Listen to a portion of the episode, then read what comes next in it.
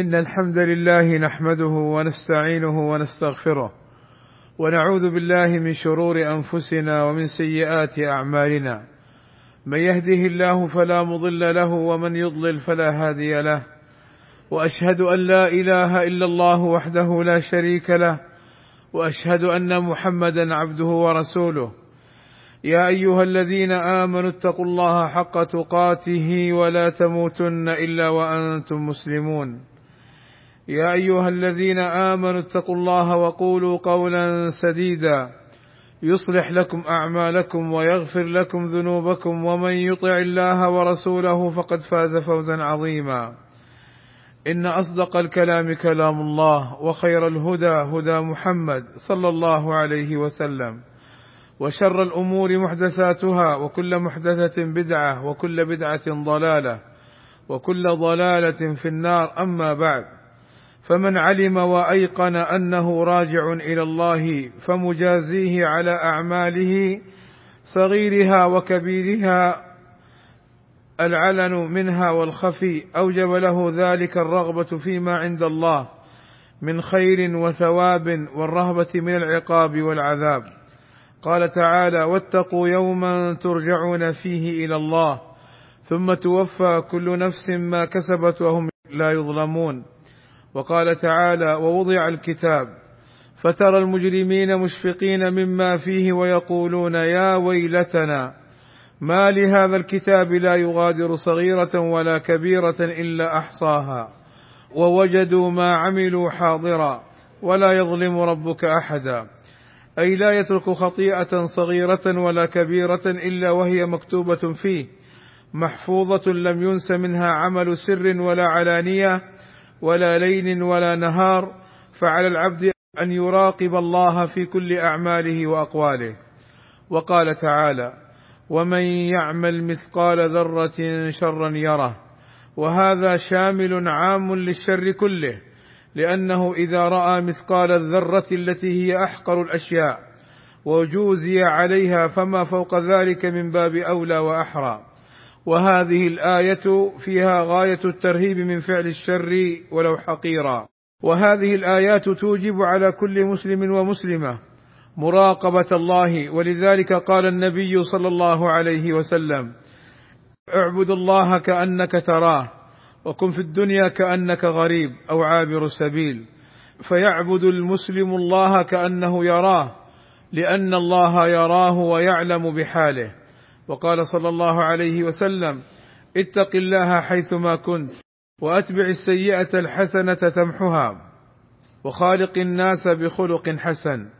اذا عباد الله تقوى الله ومراقبته تحمل العبد على أن يعمل الخير ويؤدي الأمانة ويكون نزيها ويبتعد عن المحرمات وعن الوقوع في الفساد. وقد أمر النبي صلى الله عليه وسلم بأداء الأمانة والمحافظة على العهود والمواثيق. قال صلى الله عليه وسلم أد الأمانة إلى من ائتمنك ولا تخن من خانك. وأخبرنا النبي صلى الله عليه وسلم أن الخيانة من صفات المنافق حيث قال صلى الله عليه وسلم آية المنافق ثلاث إذا حدث كذب وإذا وعد أخلف. وإذا اؤتمن خان. فالواجب على المسلم أن يحافظ على الأمانة إذا كلف بعمل عام أو عمل خاص. وإن من صور الأمانة المحافظة على الأموال العامة للدولة فمن أخذها بغير حق شرعي فقد أكل الحرام. والنبي صلى الله عليه وسلم يقول كل لحم نبت من سحت أي حرام فالنار أولى به. ومن ذلك الرشوة وهو المال الذي يأخذه الموظف ليمشي معاملات خاصة يتوصل بها بغير الطريق المشروع. والنبي صلى الله عليه وسلم يقول لعن الله الراشي والمرتشي ومن أعظم أنواعها ما يعطى لإبطال حق أو إحقاق باطل أو لظلم أحد. والرشوة محرمة من كبائر الذنوب وإن سميت هدية أو مكافأة أو كرامة أو رضوة كل ذلك لا يخرجها عن معنى الرشوة المحرمة. والله أسأل لي ولكم التوفيق والسداد وأن يغفر لنا الذنوب والآثام إنه سميع مجيب الدعاء.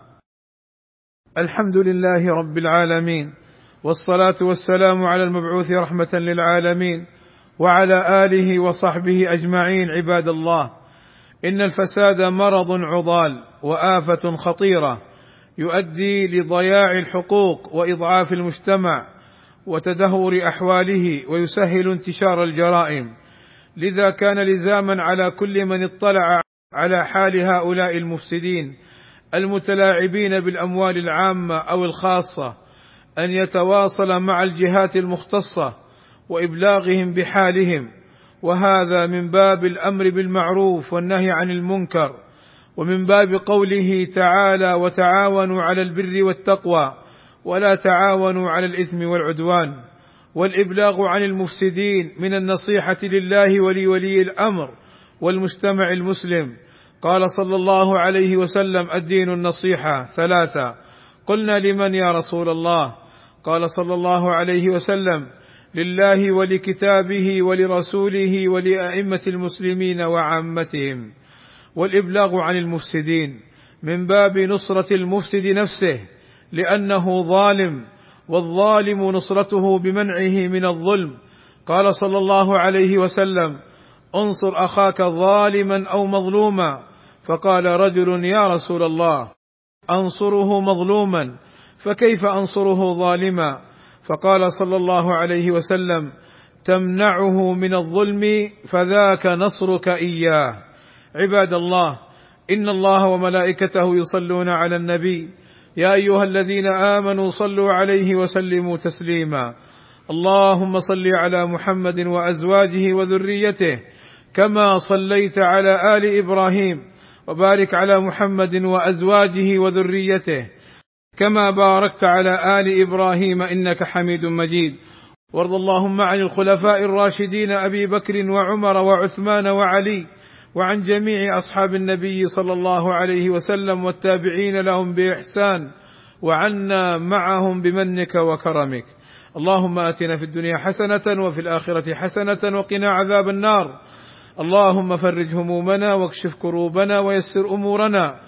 اللهم اغفر للمسلمين والمسلمات والمؤمنين والمؤمنات الأحياء منهم والأموات.